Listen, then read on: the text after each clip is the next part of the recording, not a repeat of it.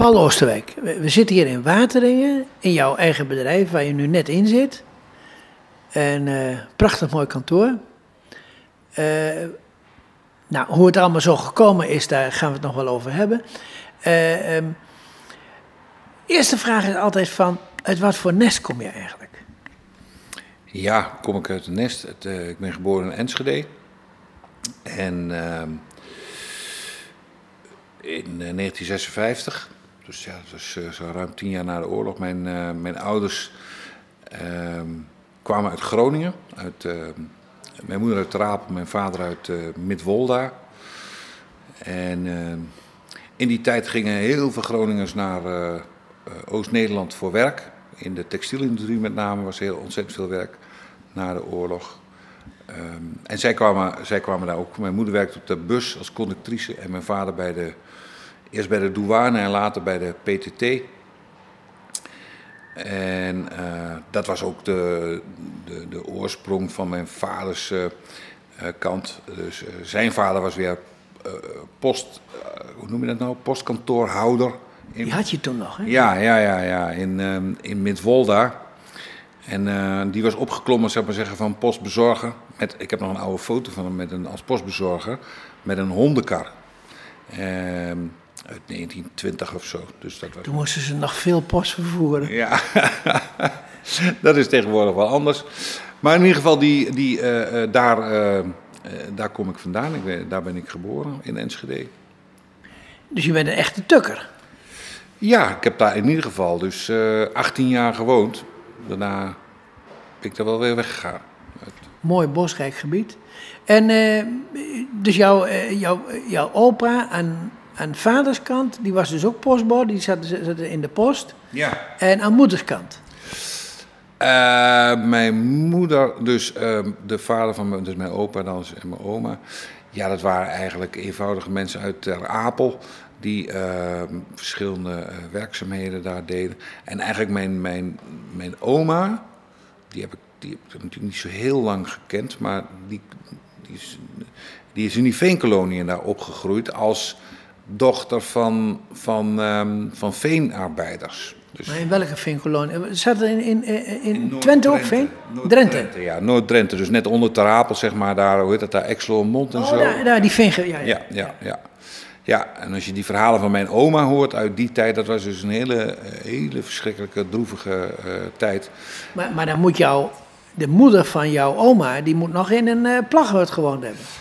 Ja, nog, nog net niet, want ze had het dan net wat beter, geloof ik. Dat ze wel een stenen huisje hadden, maar klein, allemaal grote gezinnen. Hard werken dag en nacht. En eh, nou, fijn, eh, ik weet niet, onder jouw luisteraars zitten misschien nog wel mensen die die, die, die verhalen kennen van vroeger. Ehm, maar, typisch, eh, typisch die omgeving, dus daar komt ze vandaan. Heeft zich helemaal ontworsteld samen met haar man in Ter Apel gaan wonen. Later zijn ze naar Amsterdam verhuisd. Dus moet je nagaan, nu uit daar vandaan en dan naar Amsterdam toe werden ze conciërge in een, bij een groot kantoor. Ehm, en uh, tramconducteurs vroegen ze toen ook in Oost-Groningen van kom naar Amsterdam om als tramconducteur te werken. En, eh, want het was daar natuurlijk armoede en, en eh, was geen werk. Dus iedereen trok daar weg. En dat kader, mijn, dus mijn opa en oma zijn er ook weggetrokken. Mijn ouders zijn er ook weggetrokken. Mijn ouders naar Twente en mijn, eh, mijn opa en oma naar Amsterdam. En haar, mijn, de broer van mijn moeder ook naar Amsterdam. Dus dat is, eh, ze zijn eh, emigranten uit Oost-Groningen. Zo zijn we allemaal emigranten. Ja, eigenlijk wel. Ja. En, en, maar, maar hoe was het leven in Twente? Dat was goed, dat was goed. Het was, eh, nou ja, begin jaren 60. Eh, dus Nederland in opbouw. Er was veel kapot in Enschede nog. Eh, oude woningen. Enschede is ook door de Amerikanen gebombardeerd, geloof ik, hè? Ja, vaak op de terugweg. eh, dus door, eh, door bommen die, die ze nog aan boord hadden. En waar gingen ze het roergebied bombarderen. Dan was er nog wat over. Of ze, moesten, of ze konden het niet vinden. En dan lieten ze dat vallen. En dus, dus daar waar wij woonden ook waren nog verschillende huizen gewoon weg. In de jaren 60. Die ze nog door een Amerikaanse bom getroffen Eh, op, de, op die manier is Nijmegen ook gebombardeerd, hè? En, en net zo erg gebombardeerd als Rotterdam. Ja, ook door eh, vergeten bommen. Of eh, fout, Ja, fout, zeg maar een, de- fou- de- een foutje, de- bedankt. ja. Ja, vergissing. Ja, ja, ja. Nou goed, dat was Enschede, was veel kapot. Het was, eh, dat werd allemaal weer opgebouwd. Ehm, industriestad, textielstad, ehm, hard werken. ja, en ik ben mijn lagere schooltijd ja, gewoon lekker doorgehobbeld. En, eh, Maar, maar, die- maar je zag ook, de, de, Enschede was dus echt de, de textielzaak. eh, toen jij in jouw jeugd was de te- eh, Enschede de texti- textielzaak. Ja, overal textielfabrieken. En waar je kon niet kijken aan grote textielfabrieken, weverijen, spinnerijen. Van Heek en Jannink en eh, nou ja, meer dat soort grote eh, bedrijven. Daar werd eh, ja, spinnerijen en weverijen, overal. En het waren rijke families die dat, eh, die dat runden, die, eh, die textielindustrie. En die, die stichten ook parken bijvoorbeeld. Je hebt het Van Heek Park in Enschede. En eh, dat is allemaal betaald door die, de rijke textielfamilies. En dat, dat was een textielstad, dus was, er was verder weinig te beleven in de stad, naar mijn idee. In mijn eh, lagere schooltijd. Maar ja, dan is je wereldje ook heel klein natuurlijk. Ja. Maar was dat ook te merken op de lagere school? Dat, eh, dat- jouw vriendjes en vriendinnetjes allemaal, eh, eh, de ouders allemaal in de textiel werken? Nou, nee, daar merkte ik niet zo heel veel van. Het was, wel, het was geen rijke, rijke stad. Dat kon je gewoon wel merken. Er werd gewoon niet veel geld verdiend. Hard werken en niet zoveel geld verdienen. Dat, eh, dat merkte je wel. Maar je ging naar de, eh, ik neem aan dat jij nog naar de kleuterschool ging? Ja, ik ben daar op het eh, Twekkelenveld in eerste instantie opgegroeid in Enschede. Dat was een nieuwbouwwijk in die tijd. Grote woningnood natuurlijk. Mijn ouders die zaten op één kamertje met z'n tweeën. En eh, als onderhuurster, onderhuurder ergens bij, eh, in de kost noemden ze dat. Ehm, en eindelijk konden ze een huisje krijgen, een nieuwbouwhuisje. En eh, daar werd ik geboren natuurlijk. En nou, mijn zus later, een tijdje later, in een nieuwbouwwijk in Enschede. En ehm, later konden ze verhuizen naar het Zwik. Dat is een, dat zeggen, wat nette, of een nette buurt. En ehm, daar had je wat, wat, wat eh, huurwoningen en, en, en eigendomswoningen door elkaar. En eh, daar ben ik eigenlijk opgegroeid als na mijn vierde, vijfde, zeg maar. Ja, ja. En, en merk je veel van het katholicisme in Twente? Bij, bij de non op school geweest? Nee, nee, nee, nee, nee. Ik ben daar niet op, eh, niet op een katholieke school geweest. Gewoon openbare school. Maar het is alom eh, eh, katholiek in, in, eh, in Twente. Carnaval uiteraard. Carnaval deden we wel aan mee, maar dat hadden we niet, niet per se als katholieke achtergrond voor nodig om carnaval te vieren. En dan niet in Enschede, maar beter nog in Oldenzaal. Dat was nog beter. Ja, ja. Eh, maar jouw tijd op de, op de kleuterschool en, de, en dan begin lagere school, hoe ging dat? Ja, van de kleuterschool weet ik niet zoveel veel meer af. Eh, Anders dan knippen, plakken en speeltuin. eh. Ja, maar dan, dan mag je zogenaamd nog een beetje creatief zijn, hè? Ja, voor de, voor de rest weet ik daar niet zoveel meer van. De lagere school heb ik wel heel erg leuk gevonden, want eh, ja, dat klinkt een beetje gek, maar eigenlijk vanaf het begin van altijd wel een van de beste van de klas geweest. Dus dan, ehm, eh, ja, dan dat ging me heel gemakkelijk af. Ging me heel gemakkelijk af. Samen met een ander jongetje waren we altijd, ja, daar hoefde niet zoveel voor te doen. Nou, de beste cijfers. Dus eh, nee, was leuk. Een hele leuke tijd. Maar dan kon je daarnaast, naast die school, kon je natuurlijk een boer afworten. Ja, ik was al vrij snel bezig met, eh, met allerlei andere activiteiten ehm, om dingen te organiseren. Ik was, ik was voortdurend aan het organiseren. Ik herinner me dat we in de buurt altijd, eh, dan organiseerde ik een kermis of zo voor andere kinderen. En we hadden een band hadden we gemaakt met oude tonnen van ehm, eh, wasmachine, was, waspoeders. En er was dan een drumstel en eh, zelfgebouwde gitaren. En dan, dan kon de hele buurt komen kijken. En dan moesten ze natuurlijk allemaal een dubbeltje betalen of zo, entree. Kermisattractietjes gingen we bouwen, spookhuizen in schuurtjes. En alles om een beetje geld te verdienen. Gewoon leuk. En eh, ik liep al, eh, ik denk toen tien was, liep ik, had ik zelf een lotto georganiseerd. Een illegale lotto. Daar ging ik langs de deur en we mochten ze voor een dubbeltje meedoen. En konden ze een gulden winnen. Maar er waren natuurlijk 15 deelnemers, had ik 50 cent. Wel handig. Dus ja, ik was voortdurend aan. eh, ja, en, eh, En op een lagere school ben je ook in vereniging voetbal en dat soort dingen. de voetbal ben ik wel geweest, maar eh, daar vond ik al vrij snel niet zoveel aan. Veel te koud op het veld enzovoort en dat soort dingen. Eh, bij de, vroeg bij de scouting gegaan, dat wel, als, als hobby. Oké, en wat heb je dan gedaan met de scouting? Ja, eh, knopen, knopen leren, hutten bouwen, eh, Ja, van al die dingen in de natuur. Dus eerst bij de welpen en later eh, bij de verkenners. Elke zaterdagmiddag en soms op kamp. En, nou, dat is echt leuk. Echt dus een, veel opgestoken over de natuur. Morsen, ken je dat nog? Ja, nou ja. Ik ken, de SOS ken ik nog wel, ja. Maar voor de rest ben ik het allemaal vergeten. Ja, maar je kent nog wel de paalsteek en de, en de Ja, en de mastworp. en dat soort en dat soort dingen. Ja, ja, en, eh, en, en installaties in elkaar sjorren. Dat was natuurlijk wel leuk. We gaan het zo verder even hebben over jouw eh, verdere schooltijd. Prima.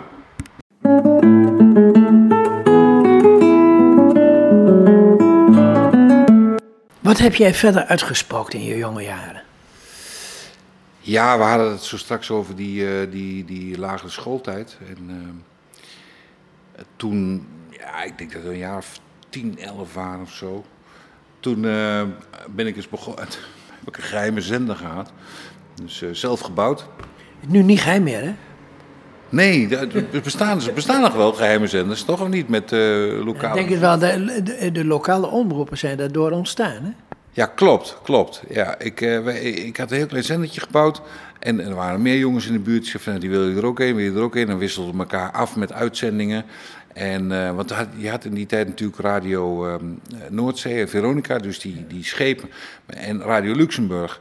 En voor de rest was er niks voor de, eh, voor de jeugd. Maar wij kochten dan plaatjes en we, we ruilden ook die plaatjes of leenden die plaatjes uit aan elkaar. En dan zonden we die, die muziek uit voor de buurt. En dan maakten we Maar was, was jij zo handig met het bouwen van zo'n installatie?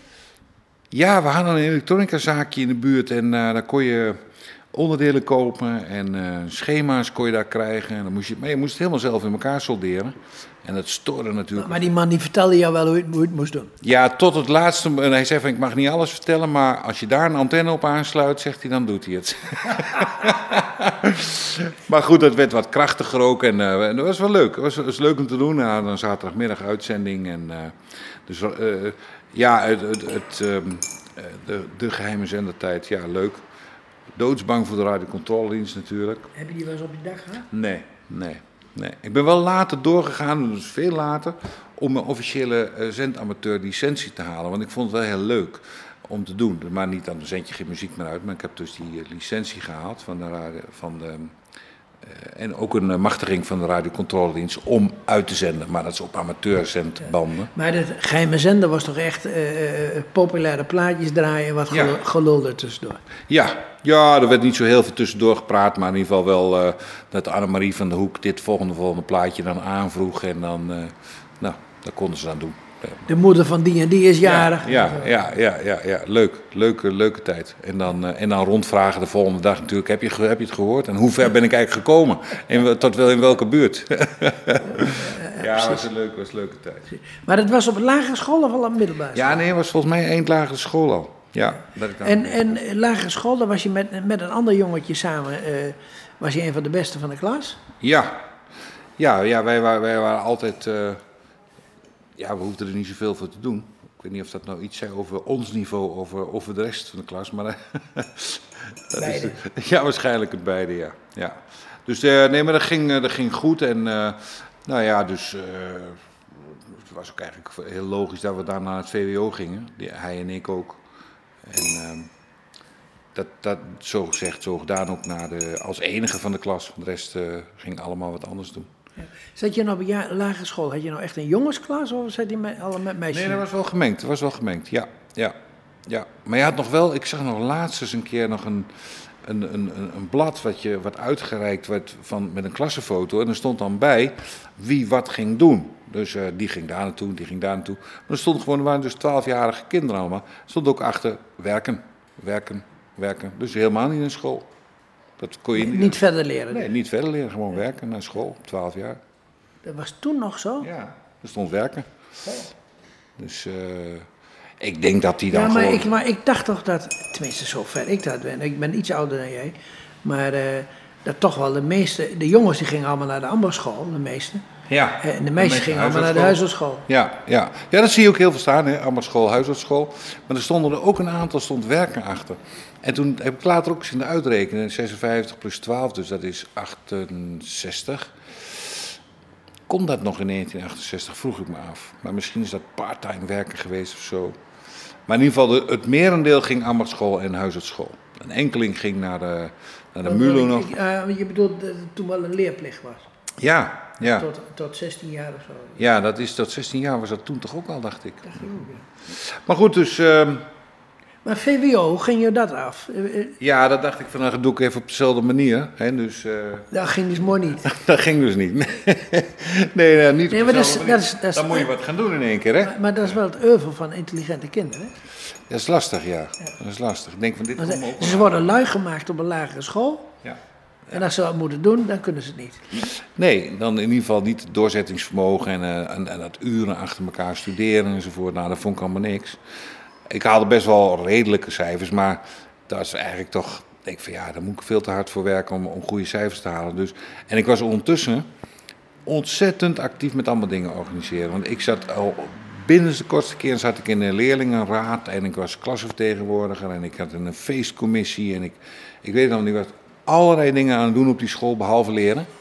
Ehm, dus toen ben ik maar geswitcht na drie jaar naar de HAVO. Ik denk, ik heb meer tijd voor, eh, voor feest.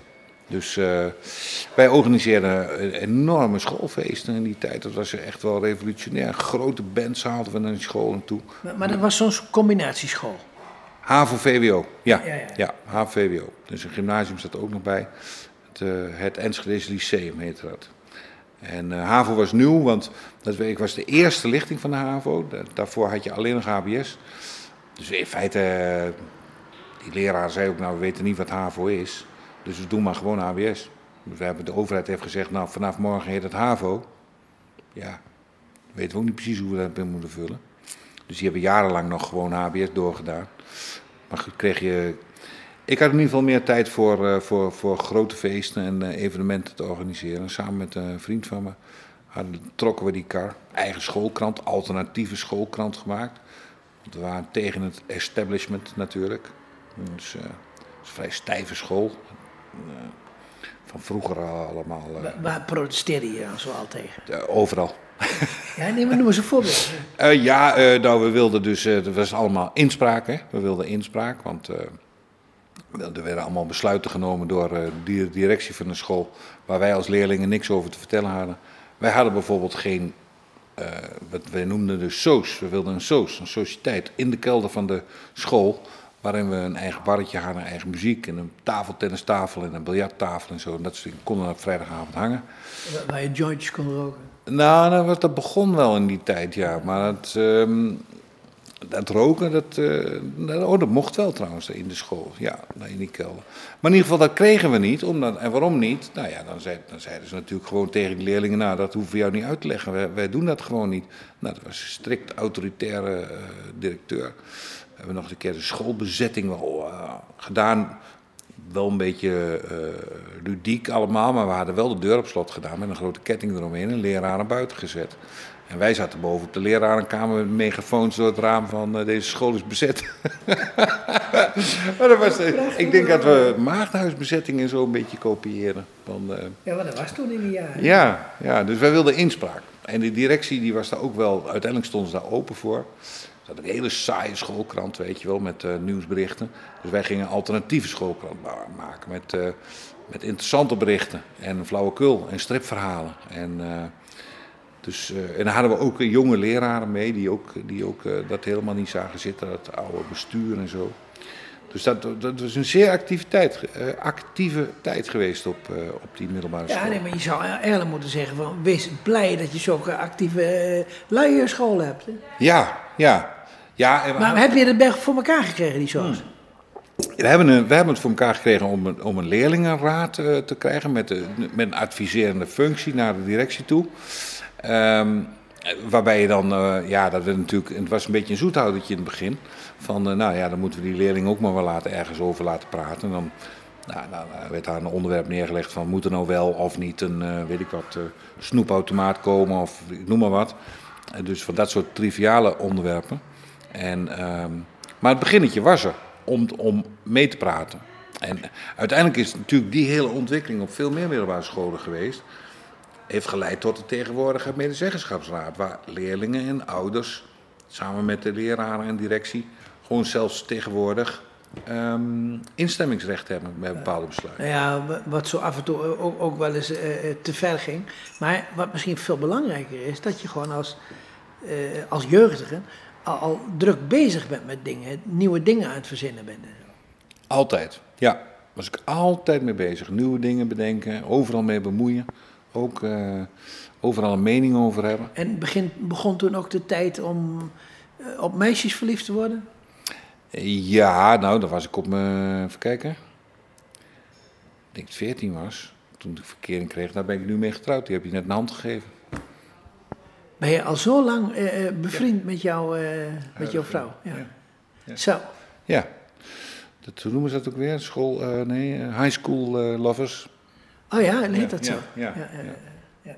Maar goed, dat is toen met die feesten is dat... Nou ja, de- de- zij wonen bij ons in de buurt toevallig. Dus ze zat niet eens bij mij op school. Dus, en in de buurt, daar- ja, de buurt was ook heel actief. En ik had natuurlijk die zender en, nou ja, dat, eh, dat- er waren ook school, waren ook feesten in de buurt. Dus eh, het was een en al eh, gezelligheid in de buurt en op school. Dus, eh, We gaan zo even verder over jouw beroep, wat je gekozen hebt enzovoort.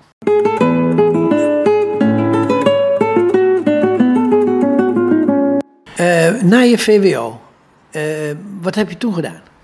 Nou, dat VWO heb ik dus niet gehaald, hè? Want ik ben, was al overgestapt naar de HAVO tussendoor. Ehm, vanwege al die activiteiten.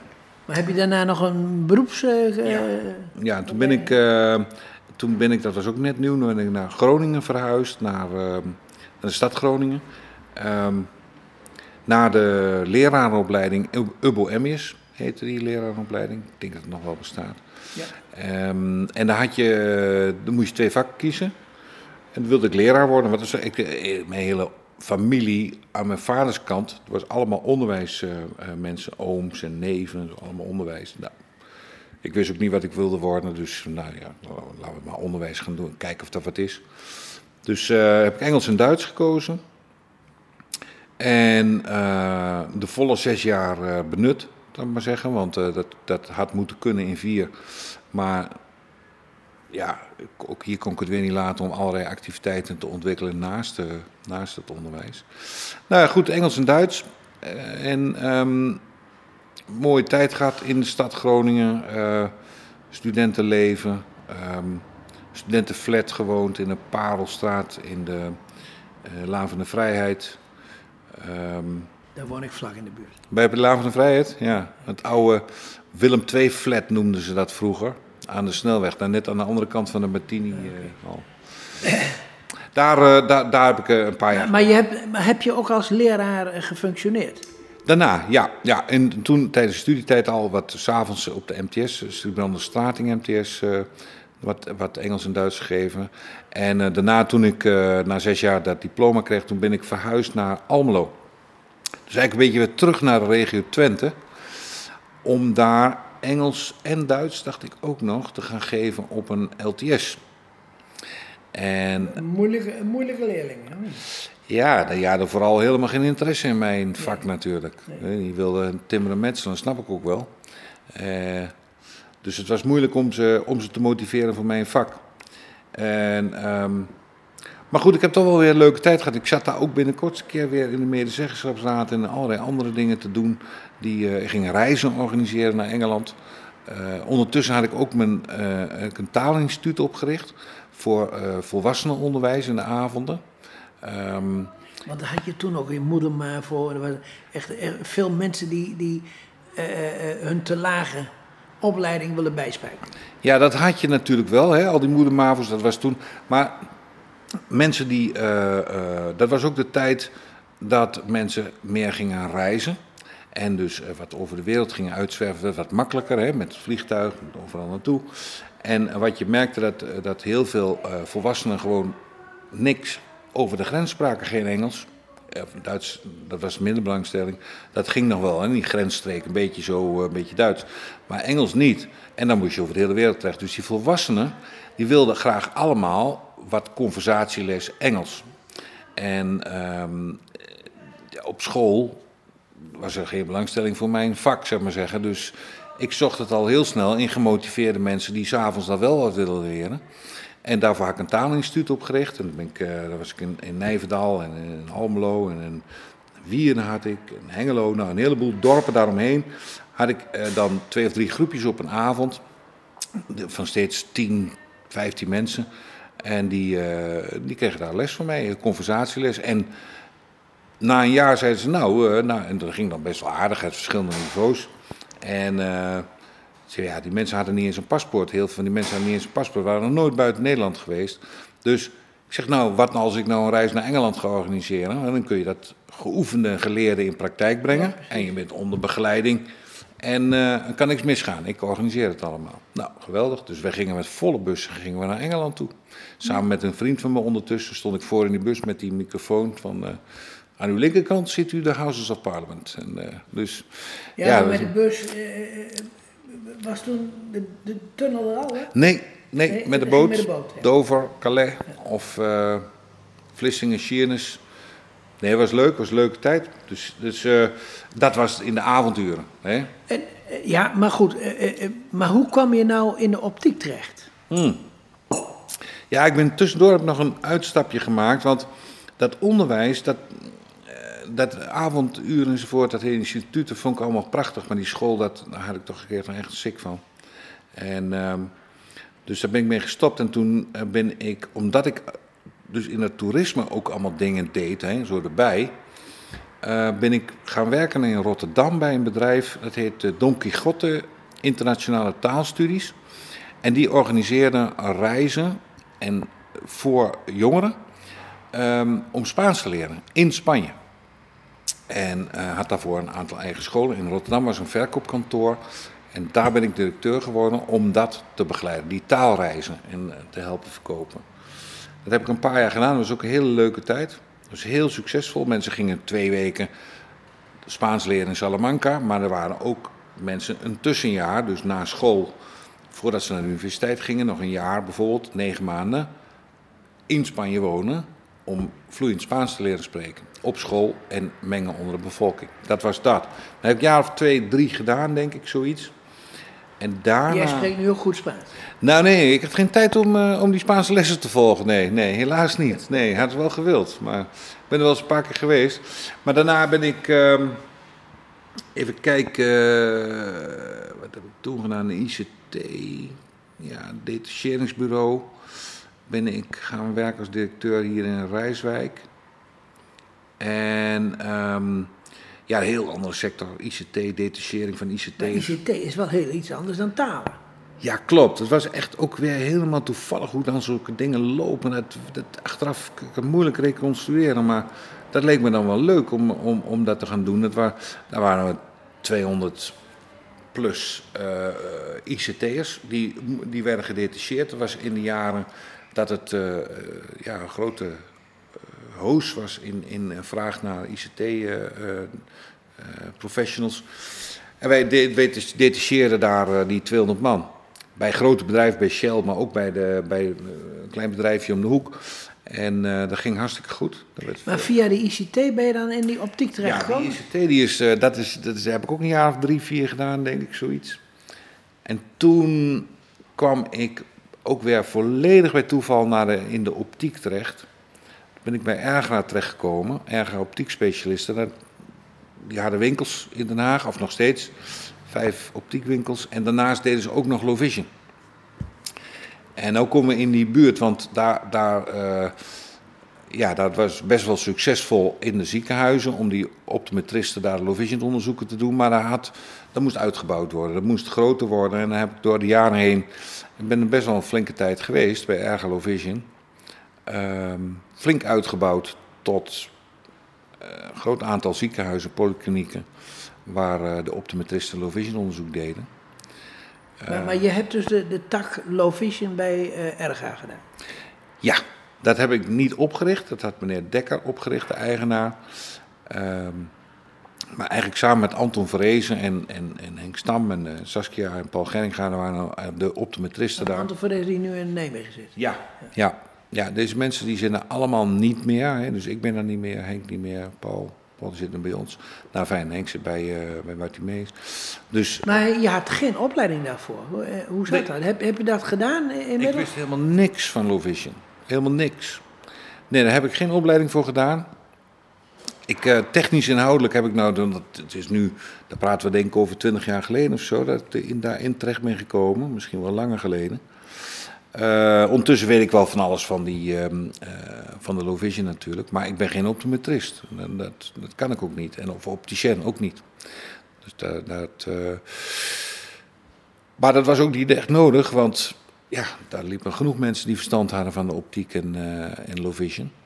Alleen het moest beter georganiseerd worden. En dat heb ik gedaan.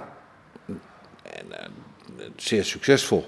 Dus. Maar je bent op een gegeven moment ben je daar weggegaan en ben, heb je een eigen bedrijf. Was dat omdat je nieuwe ideeën had of hoe kwam dat? Ja, dat is toch weer eigenlijk een uh, volledig, volledig nieuw hoofdstuk. Hoe dat, hoe dat wat, wat daar aan de grondslag ligt. Maar dat is wel dat is wel zo. Ik had wel heel andere ideeën over het uiteindelijk hoe het beter zou moeten kunnen. Vertel eens. Ja, dat kan ik doen. Um, ik denk met name dan, zonder nou al te veel op de zwakke punten te wijzen, wijzen van wat zo'n low vision onderzoek in het ziekenhuis uh, betekent. Ik denk dat het sterke punt van ons is dat wij de low vision onderzoeken doen. Ons is Low Vision, uh, Low Vision Totaal. Totaal. Ja, Low Vision Totaal is het bedrijf dat ik toen opgericht heb, samen met, uh, met Jan de Loze.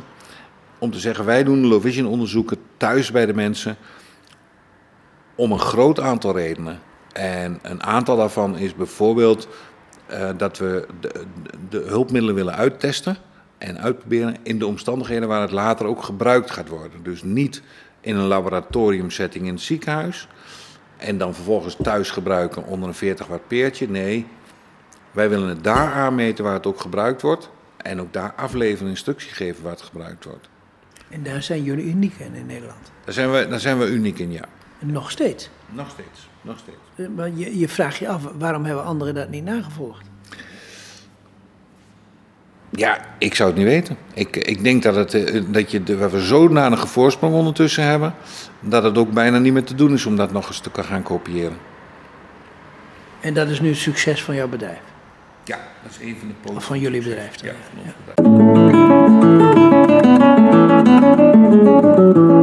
bedrijf. Je bent pas geleden uh, ben je verhuisd in, in Wateringen. En uh, uh, nou, zo te zien is het gewoon een succesvol bedrijf. en nou ja, maar vertel er zelf maar even wat over. Ja, ja we bestaan nu, Lovish Totaal bestaat nu ongeveer 15 jaar, nog net niet. we zijn ooit begonnen, een heel klein pandje hier ook op het industrieterrein. Al snel verhuisd naar Linnenwever. Heel groot pand, was gezien, een enorme hal. En um, dat hadden we niet allemaal nodig, maar we zaten wel lekker ruim, zaten we daar in ons vel. Nou, door allerlei omstandigheden, onder andere het pand was nodig. Uh, de eigenaar had het nodig voor een ander doel. Die wilde ons eigenlijk er wel uit hebben. Um, zei van ja, dat komt ons misschien wel gelegen ook om dat dan maar te doen. Omdat we toch wel eens wat kleiner wilden. Eigenlijk was dat pand gewoon veel te groot voor ons. En vol stond met allemaal eigen rotzooi op een gegeven moment. Waar je denkt, nou, dat moet maar eens opgeruimd. Dus dat was een mooie gelegenheid. Dat was in november vorig jaar zijn we begonnen met die verhuizing. Voornamelijk opruimen, opruimen, weggooien. En we zitten nu, nu een maand of drie in dat nieuwe pand. Dat is nog geen 500 meter verder hier vandaan. Uh, in dat nieuwe pand. En dat, uh, dat bevalt ontzettend goed. Het is klein, uh, modern ook. Uh, veel, veel nieuwer. Beter geïsoleerd, gezellige meubilair. Nou ja, alle ICT is beter gepakt, telefonie. Nou, noem maar op. Wat je dan in de verhuizing allemaal doet. Alles maar eens even upgraden en vernieuwen, moderniseren. Maar je bent, met, uh, je, je, bent in ieder geval begonnen met, met optische middelen. En uh, kijk, toen er op, op een gegeven moment geen elektronische middelen waren, alleen maar de, uh, de beeldschermloop. En verder was er niks tien jaar geleden. Kon je nog zeggen van nou, de, de optiek uh, of low vision vanuit de optiek, ja, die kun je goed advies geven. Maar er zijn nu zoveel elektronische middelen. En in hoeverre hebben jullie dat geïntegreerd dat je toch een totaal advies kunt geven? Ja, je noemt al een van de sleutelwoorden, totaal. Advies, dat is niet voor niks. Dat we die, ons bedrijf heet Lovision Totaal. En het woord totaal slaat ook op dat wij zeggen van nou, we willen hulpmiddelen bieden voor, voor slechtzienden.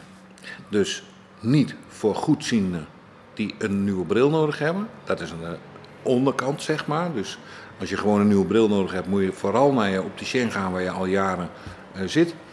Word je slechtziend, dan kunnen we je helpen met een totale lijn aan hulpmiddelen. Dus dat gaat vanaf de simpele, wat ik altijd noem, de Sherlock Holmes loop, loop op een steeltje, tot en met het meest ge geavanceerde elektronische apparaat, zolang het maar met zien te, horen heeft, te, eh, te, te maken heeft.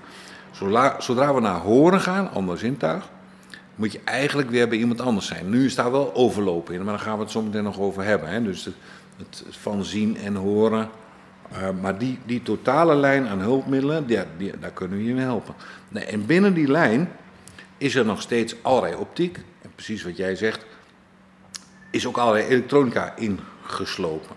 En, um, maar dat bieden we allemaal. Dus we hebben niet gezegd van nou dat doen we niet, we blijven bij de optiek. Nee, we, hebben wel gezegd van nou bepaalde elektronische hulpmiddelen kunnen heel handig zijn. Maar, maar, je gaat dus bij mensen op bezoek. En, en hoe gaat dat dan? Hoe, wat moeten we ons daarbij voorstellen? Je krijgt een telefoontje van iemand die uh, kan wat minder zien. Je gaat een telefoon even checken. Van nou valt hij in de doelgroep en dan ga je er naartoe. En wat dan? Nou, dan komt er op een dag komt er, belt iemand aan, een van onze optometristen. En die heeft een koffertje of twee koffertjes bij zich met, met allerlei uh, glazen, lenzen en wat andere meetapparatuur. En dan ga je aan tafel zitten. Wordt er eerst geïnventariseerd van wat zijn uw wensen nou eigenlijk op het gebied van, van lezen en zien. Hè? Dus als dat nou over ondertitels lezen gaat of over puzzelen of over de krant lezen of boeken lezen of de magnetron aflezen. Alles wat met het zien te maken heeft, hè, um, uh, komt aan bod. En dat wordt geïnventariseerd. En die optometrist weet dan, nou, ik kan u waarschijnlijk met dat, dat, dat, onderwerp wel helpen. Dan gaan, we, dan gaan we proberen. Dus dan worden er lensjes in de bril gezet, kijkertjes erin. Dan wordt gekeken van hoe goed of hoe slecht ziet u nog. En wat zijn uw wensen? Dan worden de hulpmiddelen geprobeerd, optische, maar ook elektronische. Om te zeggen van nou wat bevalt nou het beste bij dat deel. Hè? Een, een, een puzzel maken met puzzelstukjes heb je aan een elektronisch hulpmiddel niet zo heel veel. Dat is zo. Ik zeg wel eens van, eh, je moet ervoor zorgen eh, dat mensen, ondanks, ondanks dat ze slechter gaan zien, de dingen kunnen blijven doen die ze altijd al deden. Ja, dat is inderdaad de uitgebreide vraag die wij in feite ook stellen: van wat zou u graag willen, wat u vroeger graag deed, maar nu niet meer kan vanwege uw slechtziendheid? Want dat is eigenlijk de vraag, zeg van nou, dit wil ik graag doen, en dat deed ik vroeger ook graag. Kijk, want als ik zeg van ik kan nu wel weer klokken leren repareren, maar dat vind je helemaal niet leuk, dat is helemaal geen hobby, dan slaat het ook nergens op natuurlijk. Als je vroeger al niet las, geen boek of geen krant of geen tijdschrift, ja, wat zal ik je dan helpen met lezen? Dat heeft geen zin. Je zegt van ik wil de televisie kijken, ik wil de, het gezicht van een nieuwslezer uh, kunnen herkennen, dan is dat weer een heel ander doel. Je moet kijken naar wat je, wat kan ik, waar kunnen we je mee helpen om weer dat te doen. Op weliswaar op een iets andere manier, want zoals het vroeger was, gaat het nooit meer worden. En het is... Kijk, ik heb natuurlijk ook al allerhand hulpmiddelen, maar ik voel me niet gehandicapt. Ik, eh, ik kan nou met mijn computer, met vergroting, met mijn uh, uh, beeldschermloop, met mijn enzovoort, dan kan ik me prima redden. Ja, nou ja, dat is, dat, is, dat is precies, dat is heel knap. Want er zijn genoeg mensen die dus blijven hangen in die fase van, oh, oh, wat is het allemaal erg. Maar kunnen wel een heleboel dingen nog, of, of meestal alles. Ik bedoel, jij bent hier ook met openbaar vervoer gekomen. Nou, dat kan ik niet eens, want ik weet niet hoe het werkt met openbaar vervoer. maar dan komt er een auto in. Ja, ja daarom. Dus maar En nog wel elektrisch ook. Ja, dat is ook zo, ja. Maar als je daarin gaat verdiepen, dan, dan lukt je dat wel natuurlijk. Ja, maar in feite is een auto ook een hulpmiddel omdat we niet zo ver kunnen lopen. Nee, nee, nee, zo is het wel. Zo is het wel. Het was niet best dat ze zo ver moest lopen. Nee. nee, maar precies wat je zegt. Het is heel knap om, om te zeggen van ik voel me niet gehandicapt. Want ik kan eigenlijk alles wel doen wat ik wil doen. Met behulp van bepaalde hulpmiddelen. En ik ben daar ook, uh, uh, ja, Ik heb een elektronische handloop, ik heb uh, alle handdingen enzovoort. Ik schaam me er niet voor. Ik ben er zelfs trots op. Ja, nee, dat, is, dat is heel goed. Ik bedoel, je hoeft het ook niet te verbergen. Ik bedoel, we hebben genoeg ook hulpmiddelen die je, die je verbergt. Hè. Je hebt ook een klein, klein handkijkertje die je in je hand, als je nou borden op het station moet herkennen of op het vliegveld, van vliegveld. Dus dan willen mensen graag zo'n klein handkijkertje, dan kunnen ze verbergen in hun hand. En dan houden ze het eh, voor hun oog als, als kijken ze door, door hun hand. Maar ja, dat staat ook gek. Ik bedoel, uh, hou hem dan gewoon vast. Ja, hou hem dan gewoon vast. En uh, heb je nog een gesprekje ook nog? Wat bent u aan het doen, meneer? Ja, ja, ja dus, uh, ja en ehm, hoe zie jij de toekomst eigenlijk? van, nou ja, de hulpmiddelen, of, maar ook van hoe, hoe blinden en slechtzienden in de maatschappij functioneren?